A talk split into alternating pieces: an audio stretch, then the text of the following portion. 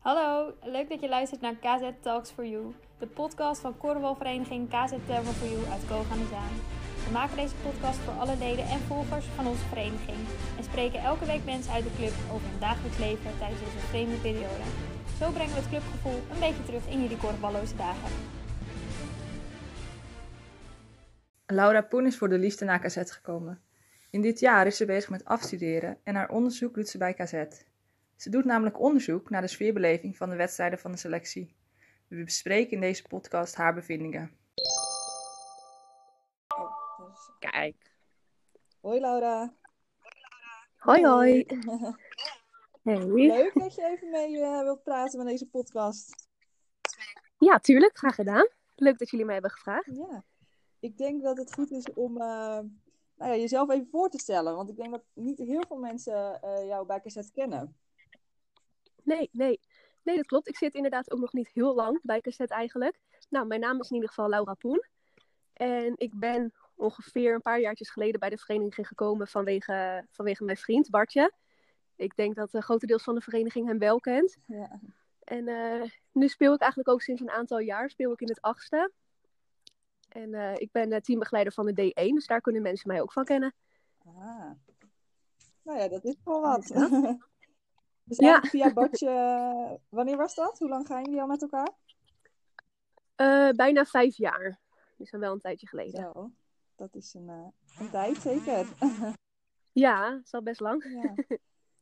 En um, de reden dat wij jou ook uh, vroegen is omdat jij bezig bent met een, um, nou, een projectje bij, bij KZ. Maar voordat we daarover ja. gaan hebben, is eigenlijk de standaardvraag van hoe kom je je dagen door deze coronatijd? Ja, nou, ik, uh, ja, ik ben nu aan het afstuderen dan. Dus ik ben echt heel veel met school bezig. Dus daar ben ik eigenlijk wel heel blij mee dat ik dat nog heb. Dus dat zijn echt mijn dagelijkse bezigheden. Ik, uh, ja, ik werk dan... Ja, ik moet bij de Albert Heijn To Go werken. Omdat ik zelf bij de Julia's werk. En uh, dat is allemaal voor NS. En dat willen ze eigenlijk allemaal een beetje samenhorigheid creëren. Dus iedereen van NS die moet werken bij de open kiosken. Open Albert Heijns. Oh, Dus ja, daar ben ik ook nog mee bezig. Een bijzondere uh, constructie. Ja, inderdaad. Het is ook heel gek. Je ziet ook allemaal mensen nu met uh, andere shirtjes bij de Albert Heijn To Go staan. Dus dat is wel, ja, wel bijzonder om mee te maken. Ja. verder ben je met aan het sporten? Ja, ik probeer het wel zoveel mogelijk te doen. Ik heb een beetje een sportschema voor mezelf, voor mezelf gemaakt. Maar ja, ik moet heel eerlijk zeggen dat het ook niet altijd even goed lukt. Maar ik probeer wel een beetje de avondjes uh, door te brengen met sporten. Ja, ja ik merk ja. het ook wel hoor. Soms een beetje lastig om jezelf te motiveren. Maar knap. Ja, inderdaad. nee, zeker nu ook. Ik skate heel veel, of skileren. En zeker met dit weer is dat ook niet te doen. Dus toen het nog zonnig was, deed ik dat ook nog wel eens. Ja. Maar dat ja, gebeurt nu ook eigenlijk niet meer. Volgens mij komen er weer zonnige dagen aan, dus dat is fijn. Ja, dat zou fijn zijn. Ja, jij woont zelf in Zoetermeer, toch? Ja, klopt inderdaad. Ja. ja. Ja. mijn ouders wonen daar ook gewoon nog. En reis je dan heel veel of hoe doe je dat? Nou, ik ben nu vooral door de week ben ik dan bij mijn ouders. Dus dan uh, ja, ga ik maandag eigenlijk met de trein, maandagochtend, ga ik naar Zoetermeer toe. En dan kan ik daar echt vijf dagen, kan ik daar lekker aan school werken. Daar heb ik gewoon een rustig werkplekje. En dan ben ik vooral in de weekenden ben ik dan in Zaandam, bij Bart dan uh, ja, op bezoek eigenlijk. Oh ja. Ja. En hoe lang is het reizen dan van Zoetermeer naar... Uh, net met de trein ongeveer anderhalf uur. Oh. Maar Bart haalt me dan heel vaak op. Of ik kan, kan met de auto. Dus dan is het ongeveer drie kwartiertjes. Uh, dus dat valt dan in principe wel mee. Ja, fijn. ja, inderdaad. weer reizen. Ja, best wel een gedoe. Ja, ik woon nu echt officieel ook dan wel in Zaandam bij Bart.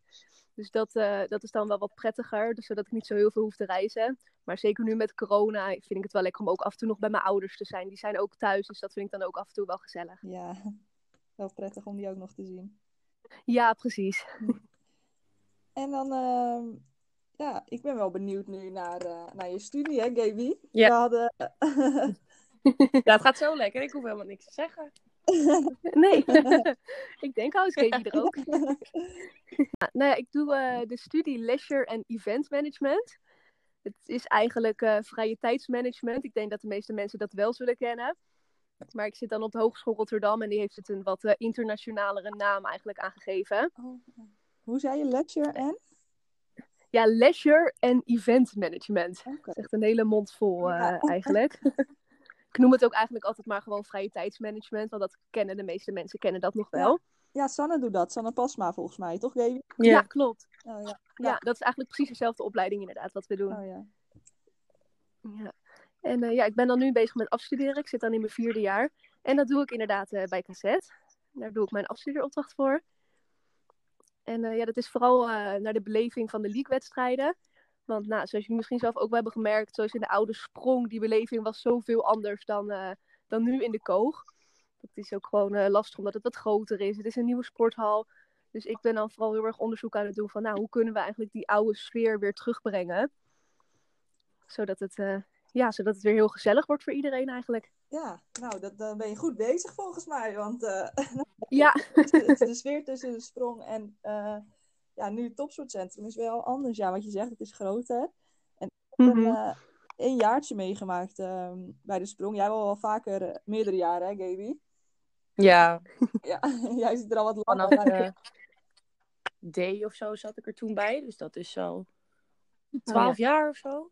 Mijn eerste Ja. jaar dat ik bij cassette kwam, was het eerste jaar dat ze naar Ahoy gingen, volgens mij. oh, dat precies een goed Ja. jaar dan.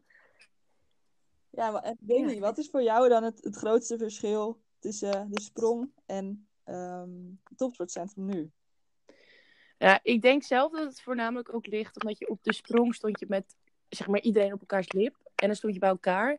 En dan deed ook iedereen wat meer mee. En nu zitten een paar mensen zitten toch weer aan de andere kant. Of staan weer iets verder eraf. En dan wordt je harde kern wordt gewoon een stukje kleiner. Ja. Mhm. En ehm, ik, denk, ja, ik denk dat het voornamelijk daaraan ligt. En wat ik zelf bijvoorbeeld heb gemerkt, want ik stond er vanaf de datejes dus wel bij te schreeuwen.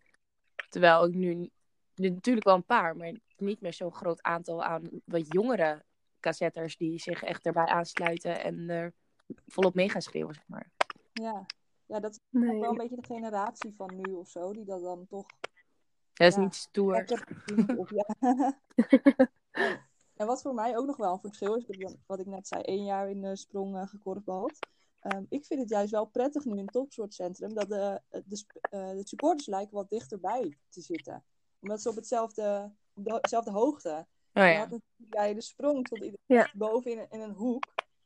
En eh, ja, ik denk, dat vind ik wel een voordeel nu, dat ze gewoon een beetje op dezelfde hoogte zitten.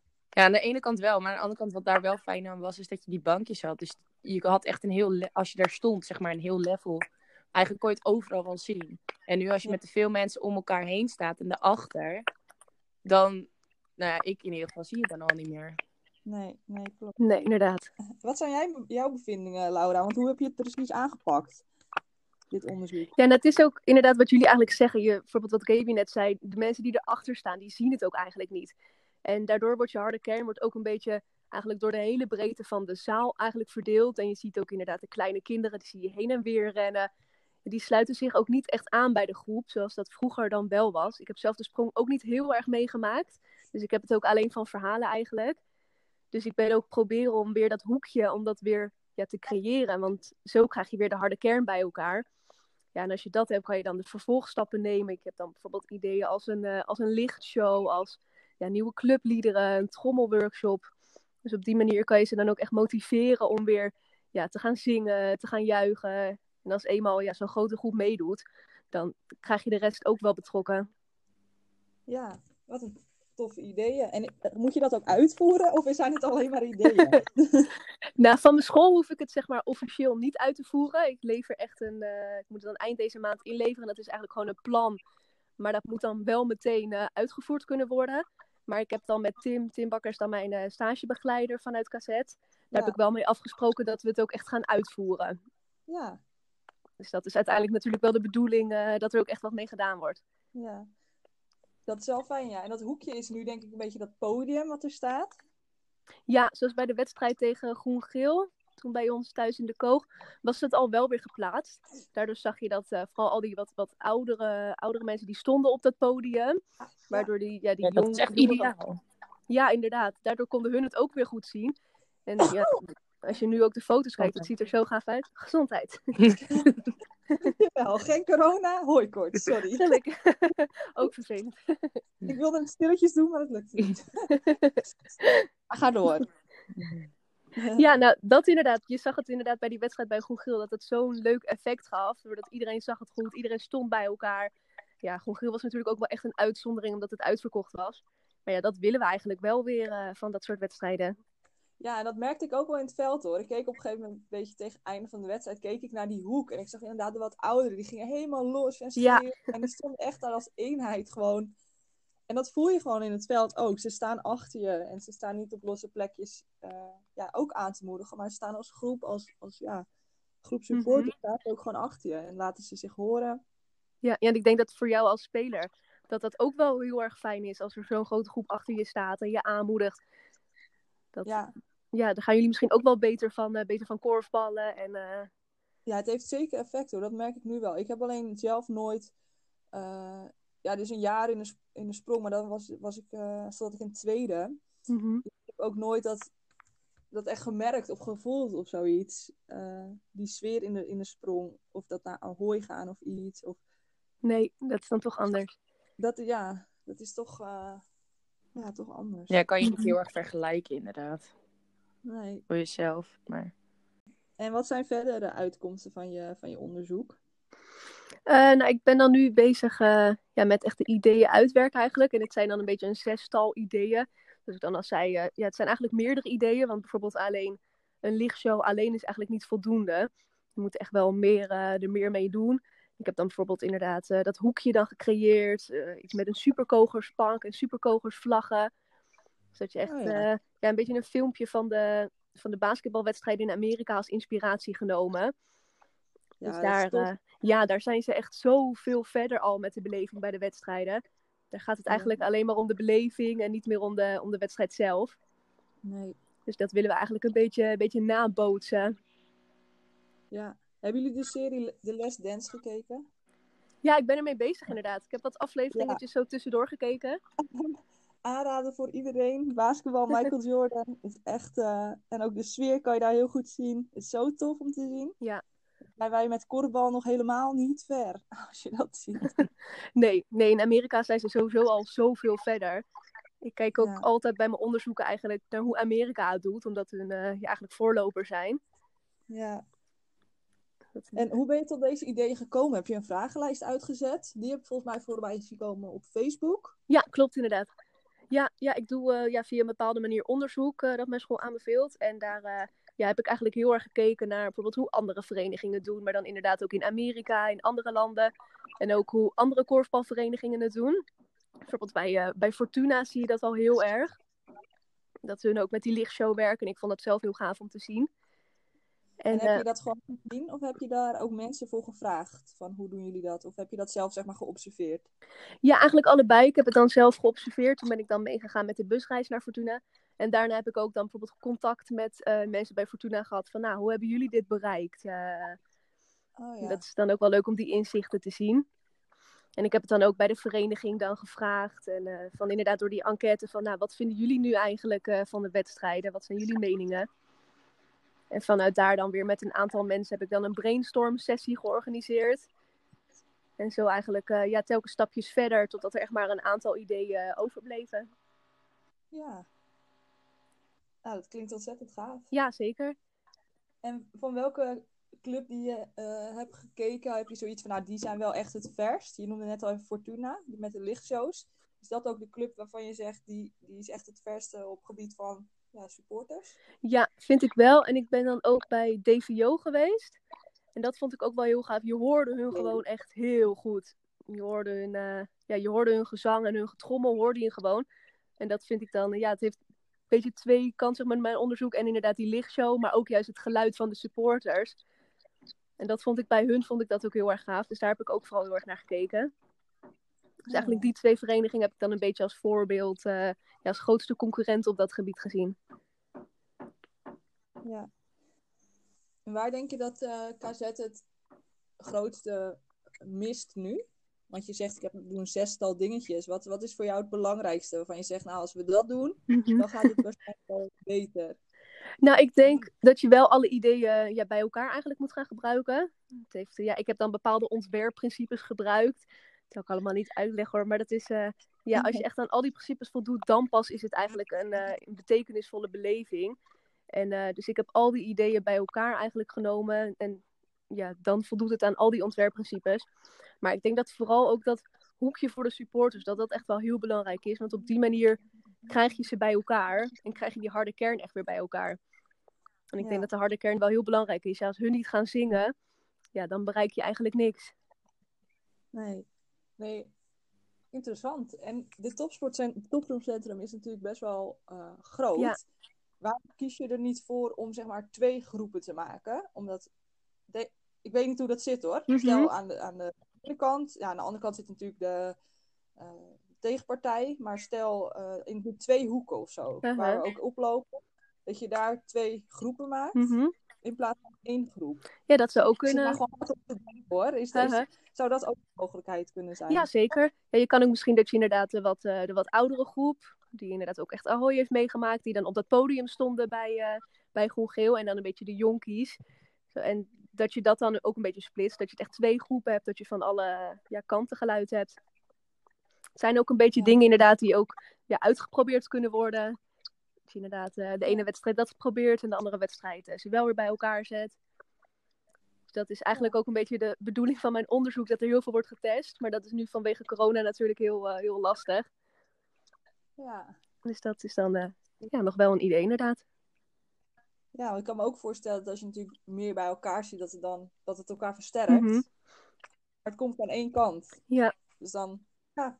Ja, Ja, nee, je zag wel weer bij Groen Geel dat ze een beetje, dat de ja, oudere groep dan iets schreeuwde. En dat de jongeren daar dan weer soort van tegen ingingen. Dat ze een beetje zo, ook zo'n wel zo'n reactie erop kregen. Dat vond ik ook wel heel leuk om te zien. Ja, want dat, die trommels zijn ontzettend gaaf. Hoe Thijs en Ian daar op het podium staan eh, te schreeuwen en te trommelen. Als, die, nemen, nemen, nemen het voortouw, Ja. zeg maar. Ja, dat is... eh, als je in het veld staat, is dat echt geweldig. Ja, dat snap ik. Ja, ik zat toevallig gisteren nog de foto's terug te kijken. Dus dat zag er wel echt heel gaaf, gaaf uit, die foto's nog. Ja, je, je merkt het gewoon ook op het moment dat het bijvoorbeeld spannend wordt. Of ook als je achter staat.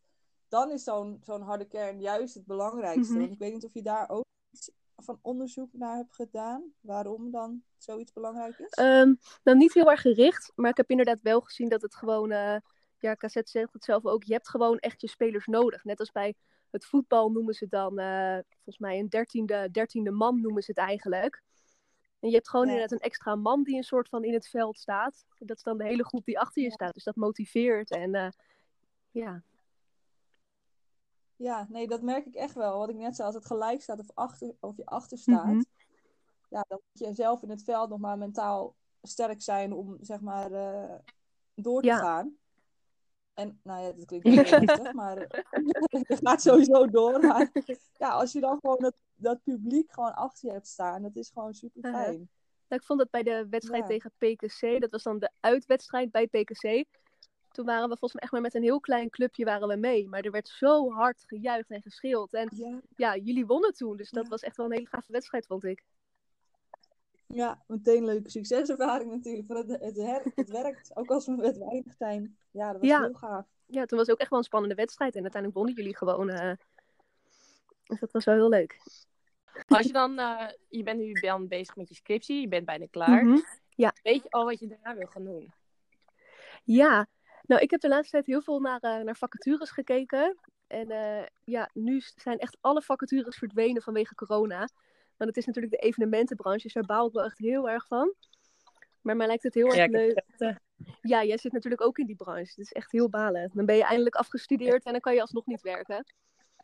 Nee, inderdaad. Want ik wil wel echt meteen gaan werken eigenlijk. Ik ben er wel klaar mee met studeren. Ik had bijvoorbeeld iets leuks gezien bij een hotel. En dan eh, bijvoorbeeld bij het NH-hotel. Daar worden heel veel eh, bijvoorbeeld vergaderingen georganiseerd. Wat bruiloften, wat internationale gasten.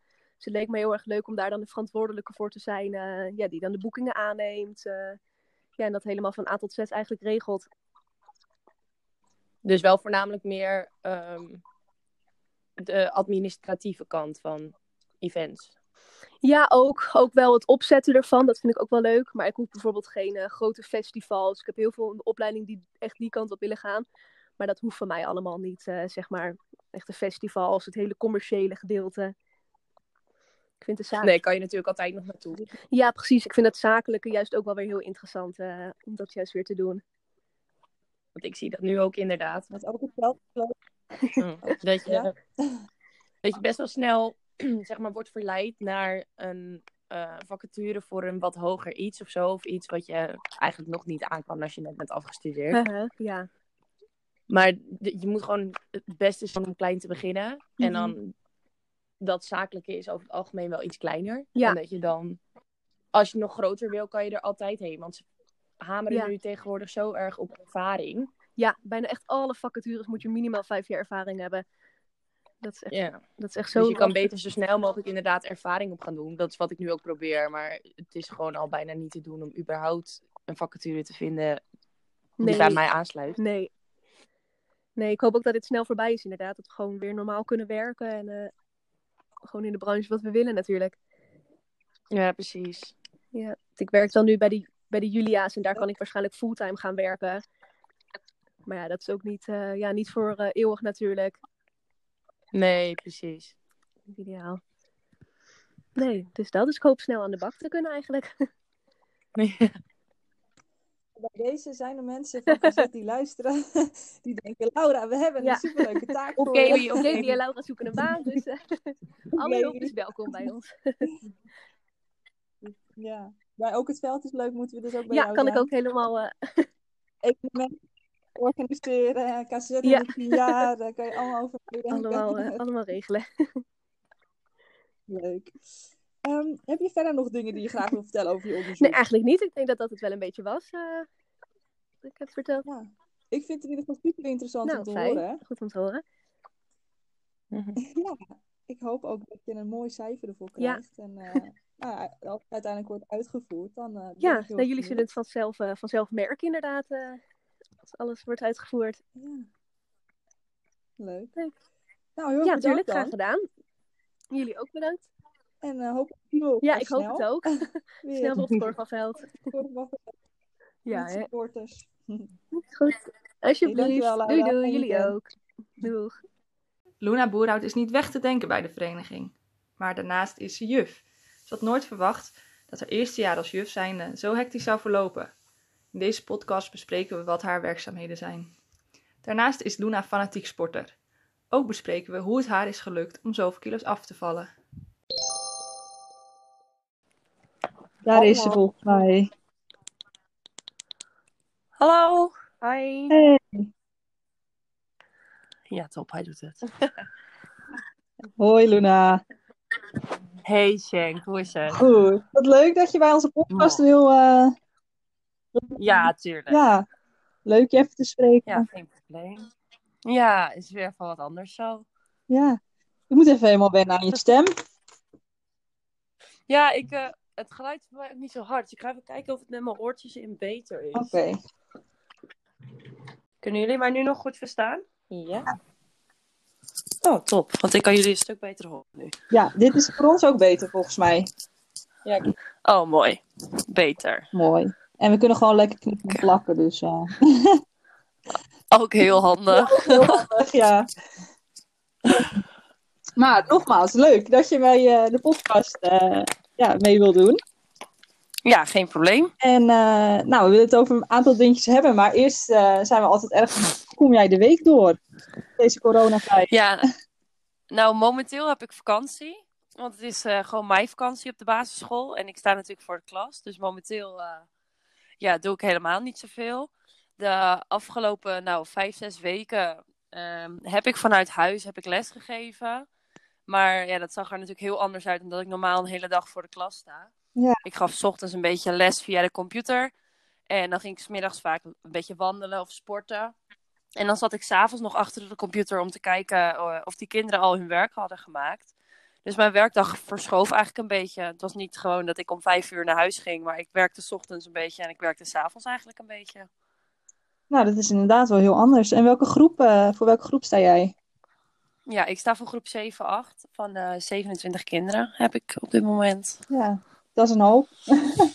Ja, dat is een hoop. En Ja. zeker als je ze dan allemaal, eh, nou ja, allemaal thuis individueel ook begeleidt. En met elk kind privégesprekjes hebt. En dan moet er weer een account aangemaakt worden. En dan moet je ze alle 27 apart bellen. Dat is best, dat was best een hoop gedoe soms. Ja, ja, ik denk dat dat voor heel veel scholen, of nou ja, eigenlijk voor alle scholen, denk ik echt wel een zoektocht was van hoe gaan we dit in vredesnaam aanpakken? Ja, inderdaad. Het was, eh, ja, dus ik moet zeggen, bij ons hebben ze het best snel geregeld. We hoorden natuurlijk zondagavond dat de scholen dicht gingen. Ja. En eh, die maandag hebben ze overlegd tussen, nou, wat was het? Ik denk 10 en 12.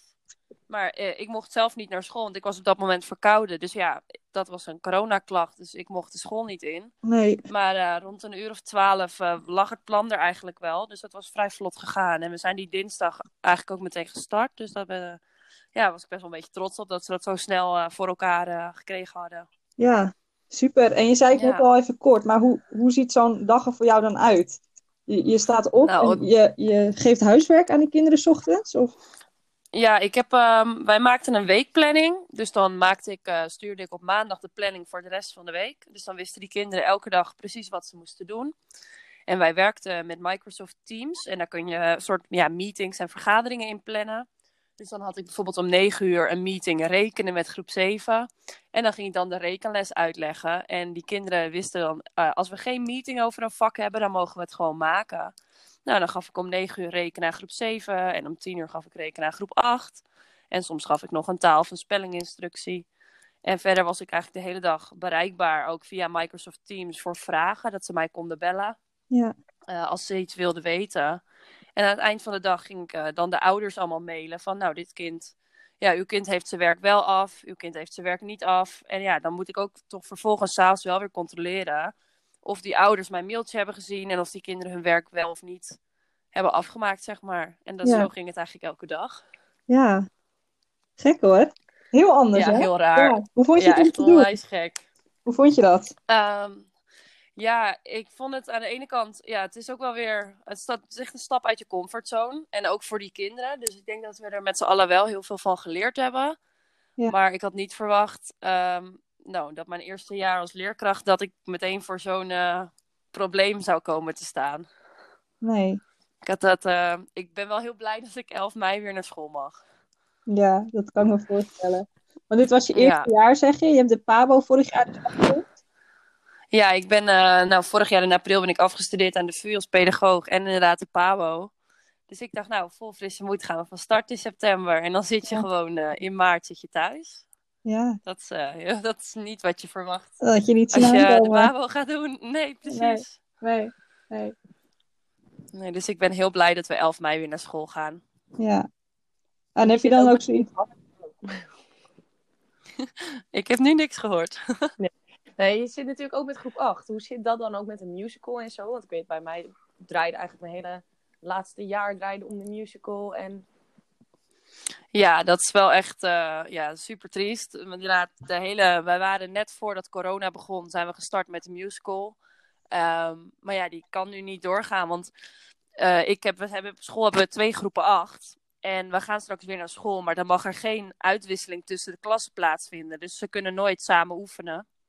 Dus ja, die hele musical gaat niet door. En er is ook ja, vanaf 11 mei een musical in elkaar zetten die je dan half juni eind juni moet opvoeren. Dat is ja, veel te kort dag. Dus de musical, eh, ja, die gaat helaas niet door. Het schoolkamp ehm, heb ik ook net gehoord. Dat gaat ook niet door. We zouden vijf dagen naar Terschelling gaan. Nou, Alwin zou bijvoorbeeld meegaan als kampleiding. Eh, ja, dat gaat ook niet door. Dus eigenlijk het hele jaar voor groep 8, waar ze zich inderdaad hun hele schoolcarrière, daar kijk je toch inderdaad wel naar uit. En de musical en je schoolkamp. En eh, ja, eigenlijk eh, valt alles een beetje in elkaar. Dus dat is wel echt, eh, ja, ik vind het super sneu voor die kinderen. Dus Ja, we gaan nu kijken hoe we een beetje een alternatief eh, ja, voor ze kunnen doen. Maar dat hangt er ook nog maar vanaf wat we op school allemaal wel en niet mogen. Dus dat weten we eigenlijk ook nog niet. Dat is jammer Nee. zeg voor ze. Ja, het is echt Ja, super sneu. Ook omdat we er al... We waren ook gewoon al begonnen. Die kinderen hadden allemaal al hun rol. De eerste scènes waren al geoefend. Ja. Dus voor die kinderen was het echt al begonnen. En nu eh, ja, is dat helemaal klaar. Ja. En eh, zie je ook dan dat het, dat het niveau iets naar, naar achter gaat? Of in ieder geval niet vooruit? Want ik kan me voorstellen dat via beeldbellen of via online lessen ehm, dat ze misschien toch minder doen dan dat ze in de klas doen? Ja, dat, ik denk dat dat eh, bij mij bijvoorbeeld in de klas best meevalt. Ze hebben, ehm, we hebben het reguliere programma hebben we gewoon vervolgd. Dus de lessen die normaal in de klas aan bod zouden komen, die zijn ook thuis aan bod gekomen. Dan moet je denken aan rekenen, taal, spelling, begrijpend lezen, maar ook gewoon bibliotheekboek lezen. En de laatste weken heb ik ook gewoon uh, Engels, aardrijkskunde en geschiedenis gegeven. Dus ze hebben bij mij in de klas hebben ze best wel veel gevolgd. En uh, nou, ik heb inderdaad instructies gegeven via de beeldbellen. En dat is voor sommige kinderen heel lastig, ook voor mij. Want normaal kan ik een som misschien tien keer op het bord doen. En ja, nu is het zo moeilijk om het één keer te doen, dat ik het wel nog een tweede keer probeer. Maar daarna is de concentratie van die kinderen ook op. Maar ook ja, heel veel ouders hebben toch ook gewoon hun kind geholpen. Zover als ze kunnen. Want niet elke ouder beschikt natuurlijk ook over die capaciteit. En ouders hebben ook gewoon werk. Dus het is. Um, sommige kinderen zullen het heel moeilijk hebben gevonden. En dat gaan we ook wel merken als ze terugkomen. Maar ik denk dat sommige kinderen uh, misschien wel meer werk dan ooit gemaakt hebben. Ja. Want als ze in de klas een, uh, een half uur aan de spelling moeten en ze maken tien opdrachten, dan is de les natuurlijk niet af. En bij mij was nu gewoon de afspraak: ja, de les moet af. En jij regelt maar hoe je het doet. Dus sommige kinderen hebben meer gewerkt uh, dan ooit. Maar er zijn ja. ook leerkrachten die het heel moeilijk vinden om thuisonderwijs te verzorgen. En dan denk ik met name aan de oudere, wat, de wat oudere leerkrachten die ook moeilijk met de computer misschien overweg kunnen. Ja, ja. dat zijn wel de klassen waar minder stof misschien aan bod is gekomen. Ja. Maar ja, ik vind het wel lastig om over een achterstand te spreken. Want het is natuurlijk een achterstand op iets wat wij bedacht hebben. Wij hebben bedacht dat ze eind vier iets moeten kunnen. Of dat ze aan het eind van de basisschool iets moeten kunnen. En ja. ja, het lijkt mij niet zo erg als ze dat misschien twee maandjes later eens oppikken. Dus ik heb wel een beetje moeite altijd met het woordje achterstand. Zeker nu thuis, omdat iedereen zich daar super druk om maakt. Ja. Maar achteraf denk ik, ja, ze zijn vijf weken thuis geweest. Als een kind verspreid door het jaar in totaal vijf weken ziek is, heeft hij ook geen flinke achterstand.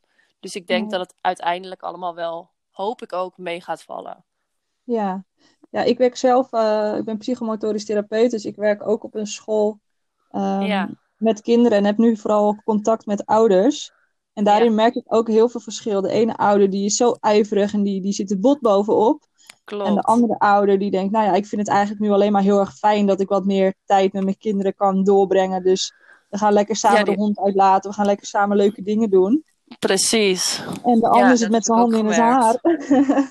Ja. sommige ouders die zijn zelf nou ja, heel intelligent en die kunnen het dan ook goed uitleggen. Sommige ouders hebben daar moeite mee. Maar ook gewoon, ja, ik heb ook ouders in de klas met kinderen, zeg maar, eh, met vitale beroepen. Dus ouders die in het ziekenhuis werken of bij de politie. Ja. Ja, ja die hebben het natuurlijk in deze tijd super druk. Ja, Dus ik snap ook wel, het was heel erg, zeker de eerste anderhalve week, was het gewoon heel erg wennen. En ja, dat snap ik ook heel goed. ja. Ja, echt respect hoor voor de ouders. Die, eh, Ja, absoluut. Want kijk, wij hebben hard gewerkt, maar die ouders die hebben gewoon, sommigen hebben drie kinderen thuis die moeten werken. En dan moeten ze zelf ook nog werken. Dus dat is wel, eh, ja, niet alleen, ik vind het niet alleen van ons knap dat wij alles zo snel geregeld hebben, maar ook dat zij dit allemaal gewoon zes weken even onderwijs geven aan je kind. Ja, dat vind ik wel, eh, Ja. wel heel stoer. Ja, super. Maar gelukkig Ja, mogen mei, eh, el- 11 mei eh, mogen ze weer naar school. En niet allemaal tegelijk, Ja. neem ik aan. Hoe hebben jullie dat eh, geregeld? Nee, ehm, bij ons op school is het zo dat we de groepen hebben. Elke klas wordt verdeeld in een A-groep en een B-groep. En we beginnen maandag na de vakantie met de A-groep. En dinsdag komt de B-groep. Nou ja, en dat gaat elkaar zo afwisselen. En eh, bij mij is, omdat ik natuurlijk een groep 7 en een groep 8 tegelijk heb, is het bij mij heel, ja, heel makkelijk eigenlijk. Ik krijg de ene dag groep 8 en de andere dag groep 7. Oh ja. En dat is voor alle Mhm. combi-klassen is dat zo geregeld. En anders heb je dus eh, nou, ongeveer 15 kinderen heb je dan in de klas. En de groep die op school werkt, die eh, doet hetzelfde werk als de groep die thuis werkt. Alleen eh, nou ja, nu, de afgelopen weken, hebben we de kinderen die thuis werkten eh, heel veel hulp geboden natuurlijk online. Maar dat Mhm. gaat wel vervallen vanaf ma- 11 mei. Want ik kan niet eh, van 9 tot kwart over 2 eerst lesgeven aan de ene helft. En dan vervolgens ook nog eens, terwijl ik eigenlijk ook nog dingen moet nakijken en weer voorbereiden, ook de andere groep nog helpen. Dus dat, die thuishulp gaat zeg maar wel grotendeels vervallen. Maar ze krijgen dan wel op school de instructie. Dan krijgen ze zeg maar, op maandag gaat groep 8 komen. Die krijgen dan instructie voor de maandag en voor de dinsdag.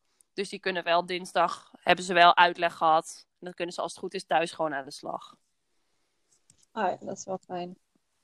Ja, Ja, dus ik ben heel benieuwd hoe dat gaat werken. Ja, dat is voor iedereen wennende, denk ik. Ja, want ja, ik heb echt het gevoel dat iedereen net aan deze situatie gewend is. En dan uh, ja. worden we eigenlijk zo weer in de volgende nieuwe, ook rare situatie uh, gegooid. ja, ik heb ook een aantal ouders gehoord die zeiden, ja, nu zit ik er juist net lekker in. Heb ik nu ja. juist een uh, weg gevonden van hoe ik dit allemaal ga regelen en nu mogen ze weer naar school. Dus ja. Ja, precies. En dan wordt het ook weer lastig voor ouders, want ze zijn niet elke dag op school en de kinderopvang, ja, de noodopvang die er was voor ouders in vitale beroepen, die vervalt grotendeels, ook niet voor elk kind.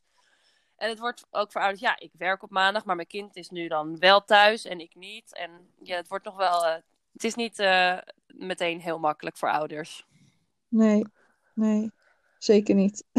nee, uh, ook daar, maar ja, ik denk ook dat dat, ik verwacht dat dat ongeveer misschien een maand gaat duren tot zeg maar tot, oh ja, misschien twee, drie weken, tot 20 mei. En ik verwacht eigenlijk dat ze dan zeggen dat vanaf 1 juni alle kinderen weer gewoon hele dagen naar school moeten komen. Dat is eigenlijk, als ik ver, hoe de cijfers gaan, wat ik verwacht dat er gebeurt. Dus dan zijn we net daar aan gewend. En dan wordt alles ja. weer gewoon zoals het uh, voor ja. corona was. ja. En dan heb je weer een paar dus... weken en heb je weer zomervakantie. Dus... Nou, inderdaad. Dan heb ik nog vier weken met ze. En dan is het vakantie. Dus het mm -hmm. is gewoon een heel raar jaar. Zowel voor mij ja. en alle andere leerkrachten als ouders en kinderen. Zeker. Ja. Laten we hopen dat het snel, uh, snel voorbij gaat. Ja, ik hoop het ook. Maar ja, ik, uh, ja. we hebben er wel allemaal denk ik een hoop van geleerd. Maakt niet uit in welke sector je werkt. Iedereen wordt hier zo creatief van. Dat, ja, uh... zeker. Dat wel. Structuur, ja. hè? dat wordt ook van je gevraagd. Creativiteit, structuur bieden. Dus, ja, precies. En ook mooie ontwikkelpunten. Ja, er zijn er genoeg die hier heel veel, heel, heel veel van geleerd hebben, gelukkig.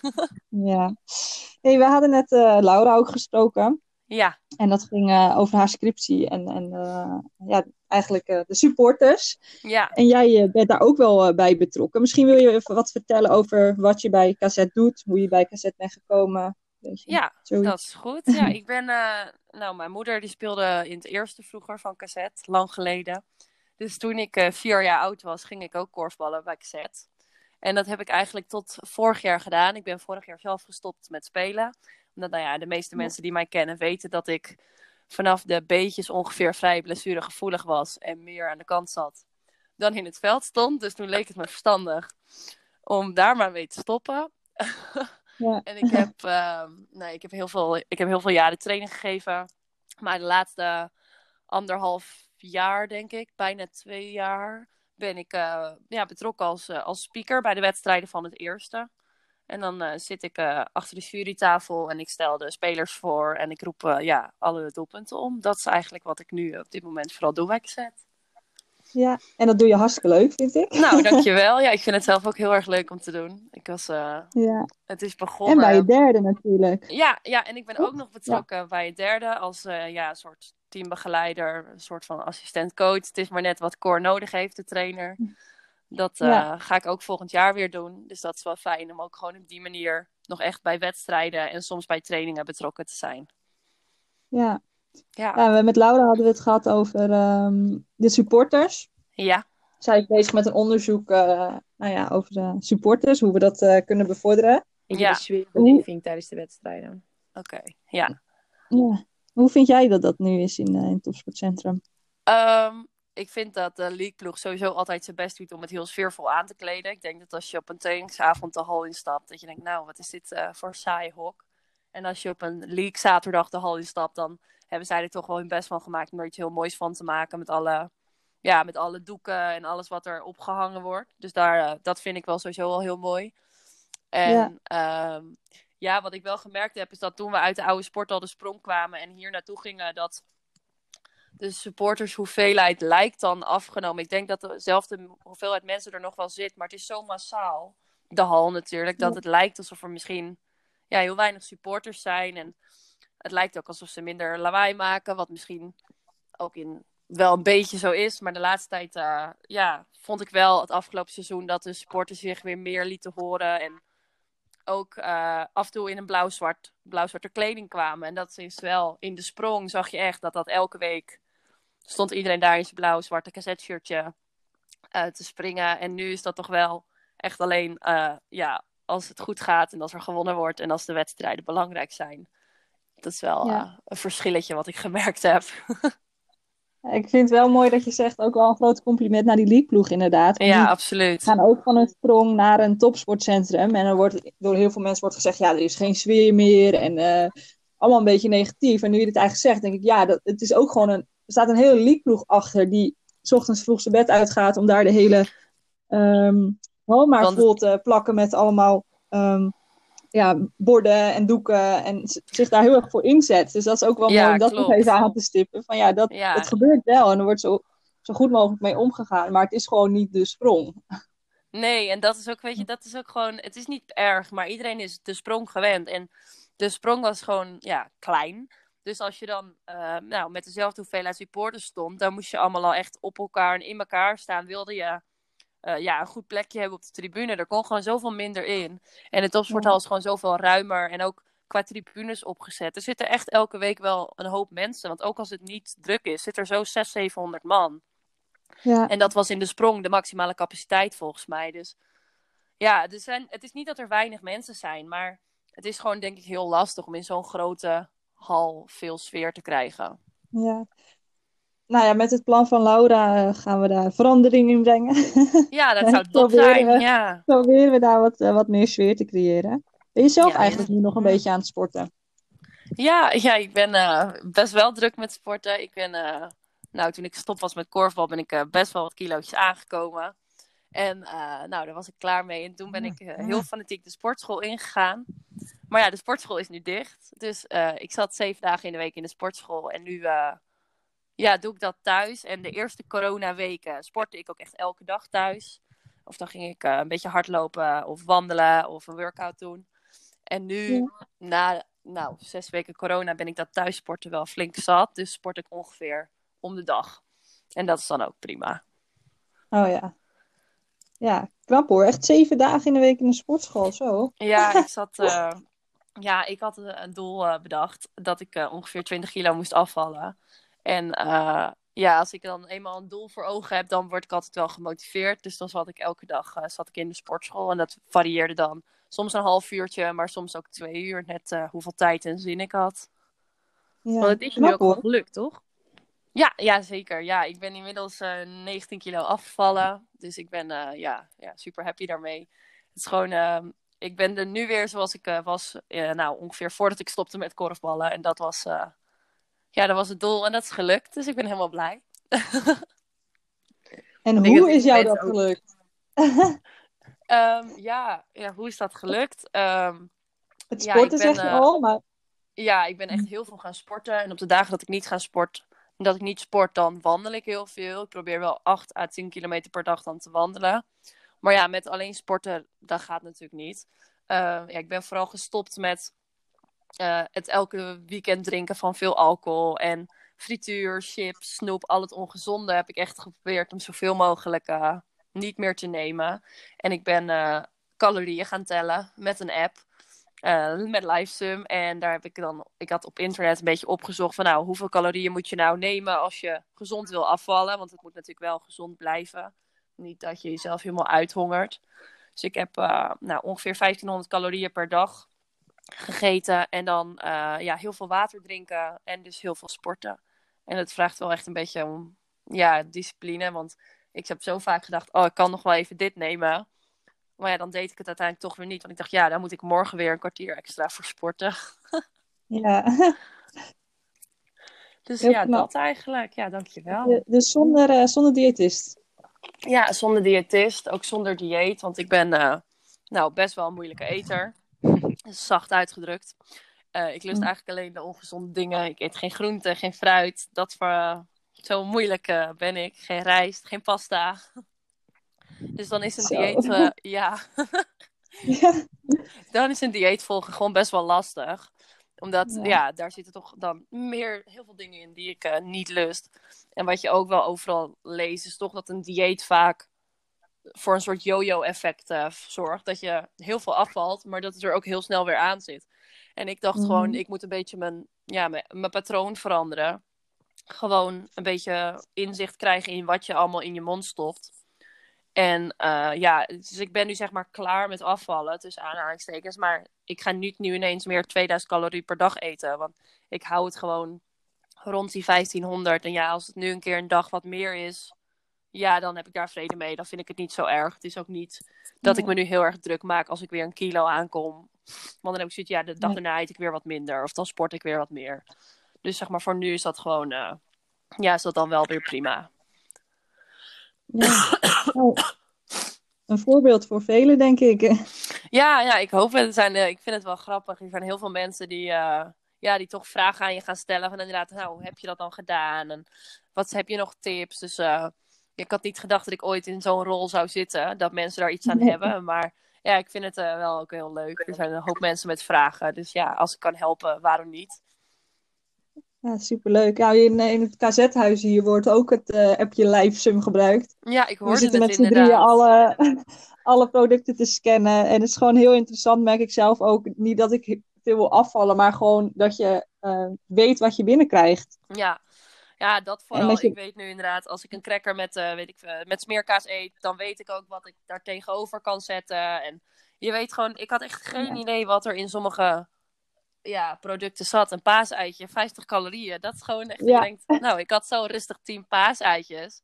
Dat zijn al 500 calorieën. is gewoon een derde van de Ja. hoeveelheid calorieën die ik dan op een dag kon eten. Dus dat heb ik wel gauw afgeleerd. eh. Ja, ik heb die app Zeggen. inderdaad ook eh, best wel vaak gebruikt.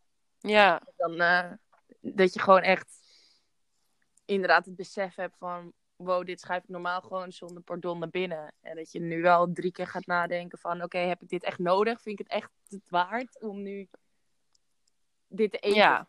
Ja, dat heb ik ook wel. Je hebt ook gewoon, dat, soms denk je dat dingen best wel eh, nou, gezond voor je zijn. Of dat het niet zoveel calorieën is. En dan kom je er inderdaad achter dat je denkt, nou, eh, ik sla toch even over, zeg maar. Ja, leuk. Knap van je, Luna. Ja, thanks. Dankjewel. Hij stimuleert ook om eh, veel water te drinken, de app, hè? Ja, klopt. Ja, je krijgt... eh, Ja. ja, elke... De, zij heeft zeg maar een soort watermeter. Dat je dan kan je zelf instellen. Maar het advies is dan om 2 liter water per dag te drinken. En eh, die app geeft inderdaad ook continu berichtjes van... Nou, je hebt nu ontbeten. Zorg even dat je een glas water drinkt. Of hey, je hebt net gesport. Drink even een extra glas water dan je normaal doet. Of nou, nu moet je... eh, je bent eh, goed bezig. Of je moet nog wat meer water drinken. Ja, dat helpt wel. Ja. eh, helpt heel erg, zeker. Ik vond het ook altijd motiverend. Want je kan van die glaasjes aandrukken. Ik ging date Ja. van die glazen. En dan kon je weer van die glaas aandrukken en dacht je... Yes, nog maar vier. Ja, precies. En dan ook als jij dan eh, iets invult, dan zegt die app van, oh, goed gedaan. Of inderdaad, dan komt er weer een nieuw berichtje. Dus het is net alsof die app gewoon tegen je praat. Het is af en toe heel fijn. Ja. En wat is nou de, de, de tip die je, die je luisteraars wil meegeven, die misschien nu denken, nou Luna, ik zou ook wel een paar kilo kwijt willen. Wat is dan jouw, jouw tip voor hen? Eh, ik denk dat de belangrijkste tip is om veel te bewegen.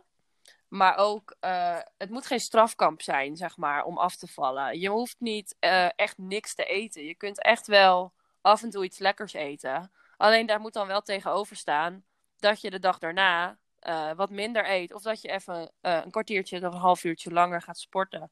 En ja, alles met Ja. mate. Neem niet meteen die hele chocoladereep, maar neem gewoon een paar blokjes. En neem niet zo'n hele zak chips of een hele rol koekjes, wat ik nog wel eens deed. Maar eh, neem een bakje of drie koekjes. Ja, goede tip. Ga hem zelf ook gebruiken. Ja, En wat ik ook wel eens had gezien is dat je voor jezelf... Kijk, stel je hebt als doel van ik wil 20 kilo afvallen.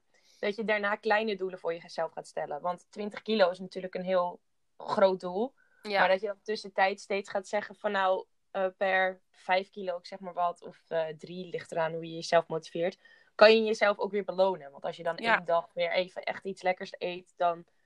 Dus dan kan je er naartoe werken dat je echt denkt van, oh ja, nog 1 kilo en dan mag ik weer even dit doen. ja, precies. Ja. En ik ben ook gewoon eh, een aantal keer uit eten geweest en zo de afgelopen tijd, toen het nog kon. Dus het is echt niet dat er niets kan, inderdaad. Maar dan dacht ik wel, oh, ik ga nu uit eten. Nou, dan neem ik ook gewoon inderdaad even een toetje, want ik ben toch al 10 kilo afgevallen. Maar morgen gaat dan weer Ja. Eh, ja, morgen wordt het weer gewoon strak. En die discipline moet je wel, denk ik, hebben. Want als je eenmaal begint en dan gaat denken van... nou ja, ik heb gisteren toch al een toetje gegeten... laat ik nu ook dit nog eten. Ja, dan, eh, dan wordt het lastig. Oké. Zijn er verder nog dingen, Luna, die jij graag wil bespreken of wil vertellen? Ehm, Ja, nou, ik weet niet hoe het met jullie zit, maar ik mis het sociale leven wel echt intens. Hoe zit dat met jullie? Ja. Vroeg ik me af.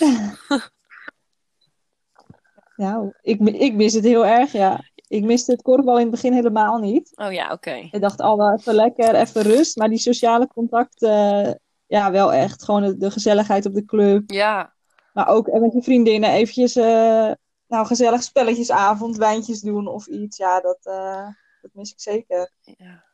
En jij, Gabe? Ja, ik heb het ook wel echt heel erg hoor. Ik heb het vooral ehm, met mijn enkels had ik het natuurlijk in het begin, dus ik kon het Oh, ja. korfballen niet echt missen. Nee. Maar nu begin ik ook langzamerhand weer meer dingen te doen. En ik ben nu precies in het stadium dat ik vanaf eh, maandag, zeg maar, weer langzamerhand dingen moet gaan doen. Ja. En dan denk je van ja, maar dan wil ik niet zelf gaan hardlopen of zo. Nee, dan had ik wel weer willen gaan korfballen. Ja, inderdaad. Ja, Ja, het is heel gek, want ja, ik zag jullie natuurlijk normaal ook gewoon elke week bij cassette. En nu, eh, nou, ik heb Gabe, jou heb ik dan één keer gezien. Maar ja, Marjolein, ik heb jou echt al zes, zeven weken nu niet gezien. Dat is zo Nee, raar. Echt zo. Ja. Dat is wel... En wat doen jullie nog wel om, eh, om in contact te blijven met, met vriendinnen? Of... Ik heb, ehm, nou, we hebben met de meiden, een groepje meiden van cassette, hebben we dan één keer een, zo'n houseparty eh gedaan. En ik heb, eh, nou, afgelopen week heb ik Gaby heb ik één keer gezien op eh, drie meter afstand in de tuin. En eh, datzelfde met, met Sanne, ook uit van de selectie. Maar ja, dat, ja, Ja. in- ja, je veel maar met mensen appen en een beetje videobellen. Maar ja, ik moet zeggen, niemand maakt ook eigenlijk iets mee. Dus je hebt elkaar ook gewoon niet zoveel te vertellen. Nee. nee, het lastige van dat beelddelen, dat vind ik ook dat één, één persoon is aan het woord. En ik ging dan met eh, tien vriendinnen of zo met z'n allen op Zoom videobellen. Maar er is één persoon aan het woord. En normaal ben je gewoon een beetje met elkaar aan het praten en gesprek. Ja. Of meerdere gesprekken tegelijk. En nu is het echt zo één persoon die dan alle aandacht heeft van nu ga jij praten en dan jij. En Ja, ik merk wel dat dat lastig Het is ook is. gewoon lastig, want er staan die tien microfoons open en dat maakt, zorgt voor superveel herrie. En je hoort alles op de achtergrond en de hele tijd die telefoon in je handen. Ja, Ja. ik vind het eigenlijk super irritant, dat Ja. beeldbellen. Ik ben helemaal klaar mee. Ja, laten we maar weer teruggaan naar de normale tijd. Ja, ik, Ik doe aanhalingstekens met mijn handen, maar niemand Nee. ziet dat natuurlijk. nee, ik hoop gewoon dat mensen zich goed aan alle afspraken en regels houden, zodat we snel, eh, nou, snel elkaar allemaal weer kunnen zien eh, bij de korfbal. Maar dat we ook gewoon lekker op een terrasje kunnen zitten of weer naar de kapper kunnen gaan. Ja, dat zou ook wel fijn zijn. Ja, toch? Ja. Nou ja, ik zag dat jij gewoon thuis je haar geverfd had. Ja, joh. Ik dacht, dat was al in het begin hoor. Ja, ik zag het Ik gisteren op eh, de live van NL Korfbal. Ja. Ik dacht, als toch niemand ziet, dan kan ik het nu wel even proberen. Ja, nou, was best goed gelukt, toch? Ja, hoor, ik ben blij mee. Mooi. Tintje licht. Ja, Oké. Nou, Luna, ja dankjewel. geen probleem. Leuk je even gesproken te hebben. En ehm, nou, hopelijk zien we elkaar snel. Ja, ik hoop dat we gauw weer eh, terug kunnen naar het, eh, het normale leven. Ja. Heel veel succes nog. Geniet nog van je laatste dagen Ja, vakantie. dat komt goed. En daarna knallen. Vol... Nee, je hebt nog een week vakantie, Ja, ik heb nu nog een. eh, ik moet eh, 11 mei weer naar school. want Ik heb tot die tijd vakantie. Ja. Dus ik heb nog een hele Lekker. week om helemaal niks te doen. Heerlijk. Nou, geniet ja, ervan. komt helemaal goed. Dankjewel. Fijn Oké, weekend. doei doei. doei. doei. Bedankt voor het luisteren naar deze aflevering van KZ Talks for You. Like, abonneer en deel deze podcast vooral met je vrienden. Heb je een idee voor onze nieuwe afleveringen? Laat het ons weten via social media of een mailtje naar de redactie. Tot de volgende keer!